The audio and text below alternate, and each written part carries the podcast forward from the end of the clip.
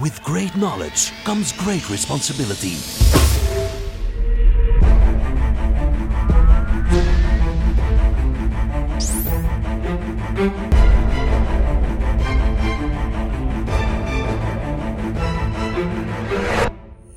Fifty-two topics by Maarten Bové and Kevin Couvreur.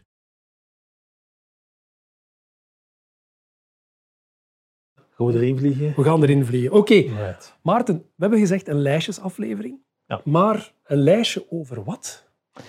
Ja, dat is natuurlijk wel een heel belangrijke. Belangrijke vraag. Eh, ja. ja, we sluiten af met het allerbelangrijkste topic dat er binnen de IT-wereld bestaat. Laat me raden. Eh, gaat het over cloud, Maarten? Het gaat over Azure, ja, absoluut. Ja. Ja, Over wat anders. Ja, oké. Ja, je, was me weer te, je hebt me de loef afgestoken weer in het onderwerp. Ja. Dus, eh, oké, laten we beginnen aan de lijst. De Azure Virtual Machines staan op nummer 1. Ja, eh, de virtuele machines, we kennen ze allemaal. Hè. Eh, Waar we vroeger onze fysieke server hadden staan, hebben we die omgevormd tot virtuele servers. En nu gaan we die virtuele servers ook naar de cloud gaan migreren. En ja, ze draaien daar nu ergens, hè, onze servers, Ja, in die wolken. in die wolken. Eh. maar we hadden het daarnet over. Het is ook wel belangrijk om te weten dat er ook evoluties in zitten in virtual machines.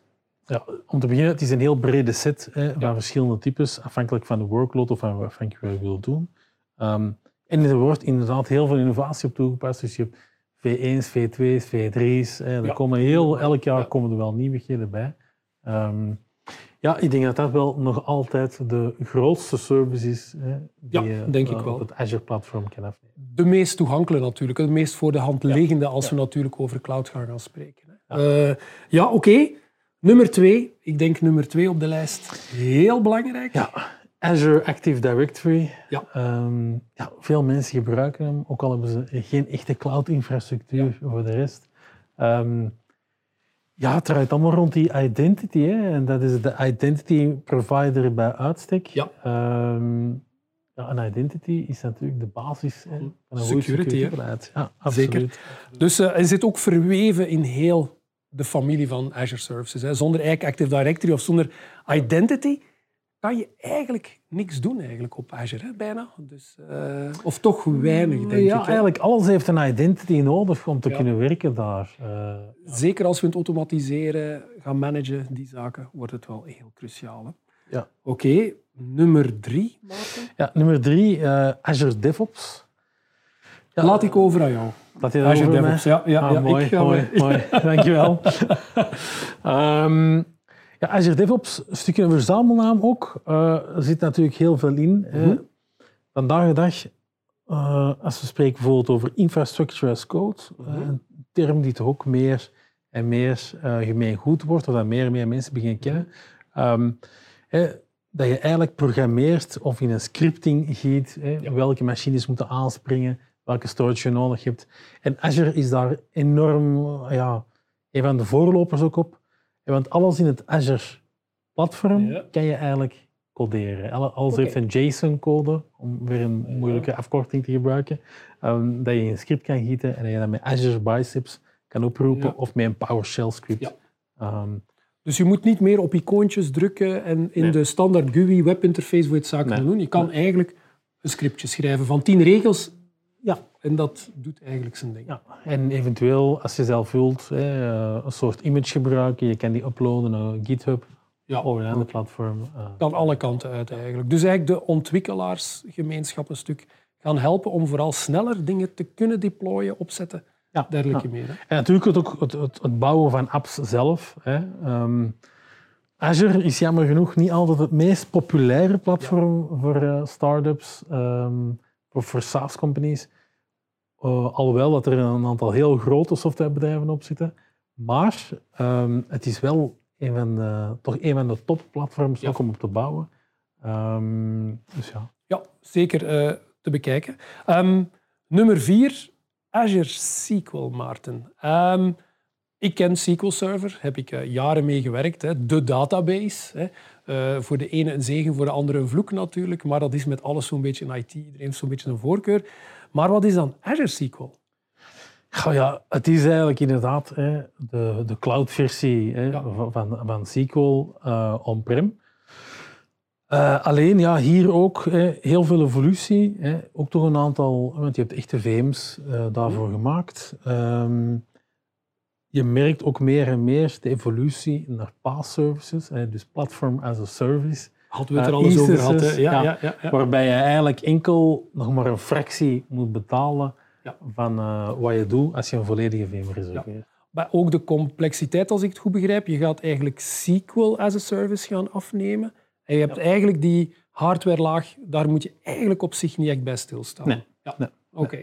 En dat is een trend die je veel meer en meer gaat tegenkomen. Uh, en die we zeker naar 2023 ja. Um, oh, misschien doen nog eens ook wat dieper moeten ingaan. Ja, maar ik voel zo ook zo'n 52 topics rond trends. Hè. Ik voel het al zo'n beetje komen. Wat wordt 2023? Maar dat is een andere aflevering. Een Ja, um, nummer vijf. Um, Logic Apps. Ja, uh, dat klinkt zo'n beetje ja, als, als uh, logische applicaties, iets automatiseren, zo van die zaken. Dus eigenlijk inderdaad een, um, een platform binnen Azure waar je eigenlijk serverless, hè, zoals we het juist hebben aangeraakt, ook zonder dat je rekening moet houden met VM's of met storage of met andere zaken, eigenlijk apps kan gaan bouwen die automatisatie inplannen, die workflows eigenlijk uh, volledig programmeren dat kan er applicaties zijn, dat kan er data zijn, dat kan ah, andere platformen zijn. zijn. Ja. kan allemaal. Ja. Dus eigenlijk gewoon logica creëren, denk ik, hè, in de cloud. Ja.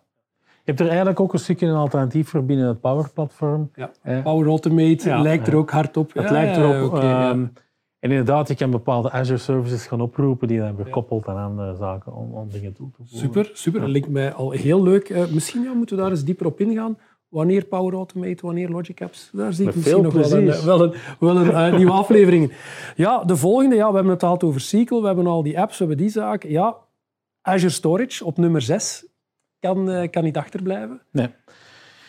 Ja, ook een heel belangrijke uiteraard. Um, en hier heb je heel veel verschillende flavors. Ja, um, ja uh, ik moet zeggen, hier ook... Um, goed nadenken over wat je juist nodig hebt. Ja. Uh, heel veel mogelijkheden, ook mogelijkheden tot automatisatie. want er zijn verschillende tiers aanwezig. Uh, cold storage, hot storage, ja. archive, blob. Um, File-based storage, ja. heel veel zaken. Ja. Uh, en daardoor kan je heel veel zaken gaan automatiseren. Um, is interessant ook om bijvoorbeeld kosten te gaan reduceren. Om zaken te Schaalbaarheid vergroten. Ja er zijn een heleboel ingangen om te zeggen van wanneer kunnen we Azure Storage gebruiken. En weer al daar, de rode draad is, ja, we moeten die business, die use case hebben. Wat willen we juist gaan doen om daar weer achterliggend de juiste technische keuzes te maken? En uh, gewoon omdat het zo breed is, er zijn ook zoveel mogelijkheden. Ik kan u zeggen, als je de Azure Portal open doet en je kijkt wat er allemaal mogelijk is, met storage, het is veel. Um, dus dat wil ook zeggen dat er veel mogelijkheden zijn die mensen niet benutten vandaag. Ja, dat is waar. We hebben daar trouwens ook nog een sessie rond gedaan. 52 topics rond storage. Moeten we zeker ook nog kijken of we de link mee kunnen geven. Ja. ja. als we het hebben over Azure Storage, iets ja, die, dat is dan meer een product eigenlijk ook binnen Azure. Hè. Op, op nummer 7 hebben we de Cosmos DB. Dat is wel dat is iets speciaals, Cosmos DB, als we het over storage hebben. Kan je daar meer over vertellen, Maarten? Want ik zie je heel verliefd mijn richting uitkijken. Ja, ook database-technologie natuurlijk, uh, maar echt in een heel brede zin van het woord. Uh, echt alles voor ook webapps, uh, voor mobile communications, mobiele apps. Het gaat echt heel breed. Als ik mij herinner, als we het over Cosmos DB hebben, is dat wel schaal is daar heel belangrijk. Hè? Cosmos DB is echt wel bedoeld voor ja. Veel data, veel schaal, veel flexibiliteit. Ja. Uh, Ze noemen het een planet-wide uh, database uh, oplossing. Dus voor over heel de wereld. Dus heel schaalbaar. dit en dat. Dus voor heel specifieke workloads waarschijnlijk ook wel interessant. En is ook eigen, dacht ik, aan Microsoft, hè? Cosmos DB, denk ik. Ja, ja.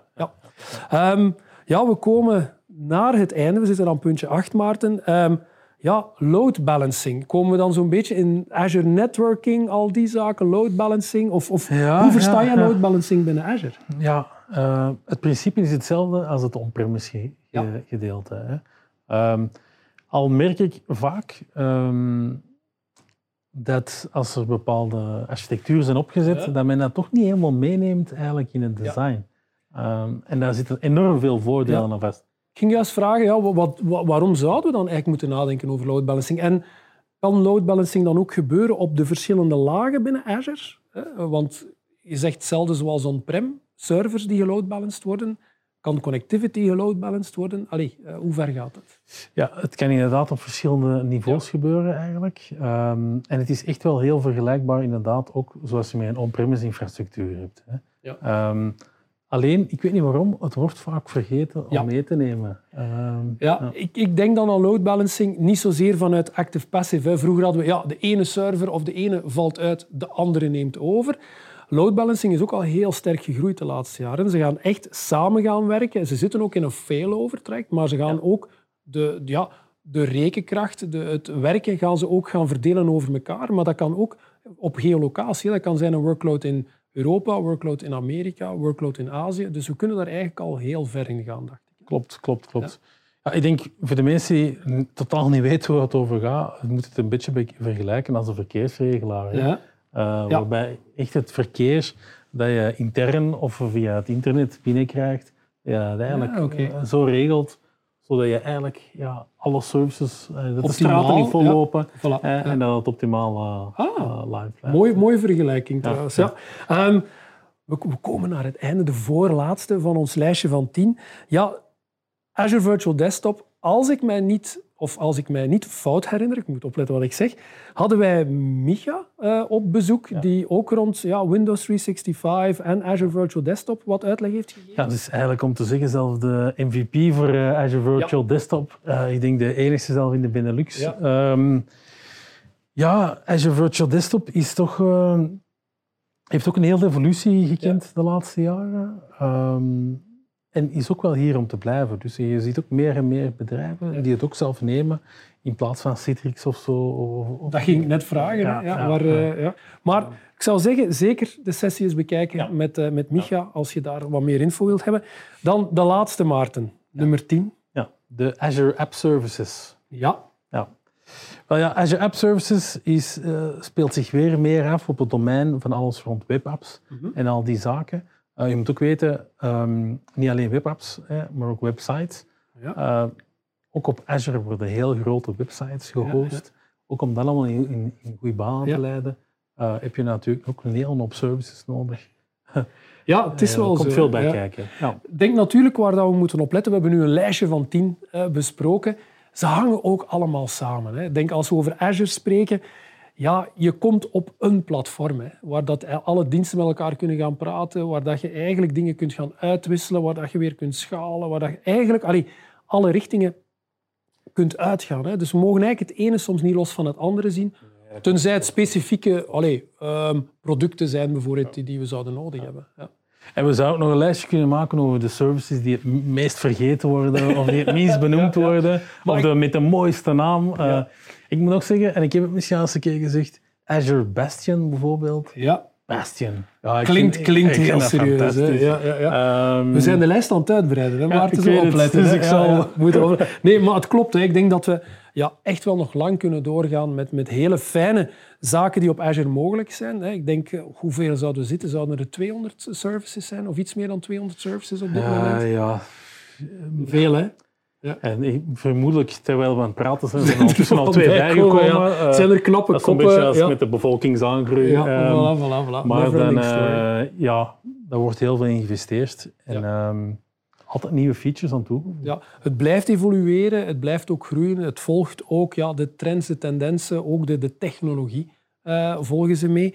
Eh, zeker een, ja, een, een ecosysteem van tools, services en diensten die, die een verschil kunnen maken in uw dagdagelijkse bezigheden als bedrijf natuurlijk. Eh, ja, dat was ons lijstje van 10, Maarten. Eh, gaan we ons nog wagen aan nog lijstjes in de toekomst? Of gaan we eens beginnen, misschien voor een volgende topic, eens beginnen mijmeren over wat 2023 zou kunnen brengen? Misschien zou is dat wel een leuk idee. hè? Ja, ja. zou leuk zijn. Ik merk wel eh, dat de episode op zijn einde is gelopen. Ja, hebben helaas. is onze champagne niet aangekomen. Maar ik wens iedereen een fantastisch nieuwjaar. Zeker en vast. En tot in 2023 voor een nieuwe 52 Topics. Absoluut. Tot. En bedankt allemaal voor het luisteren. En Zeker vast. Zeg, en vergeet de rode telefoon niet hè, in eh, 2023. Tot dan, hè. Bye. Dag.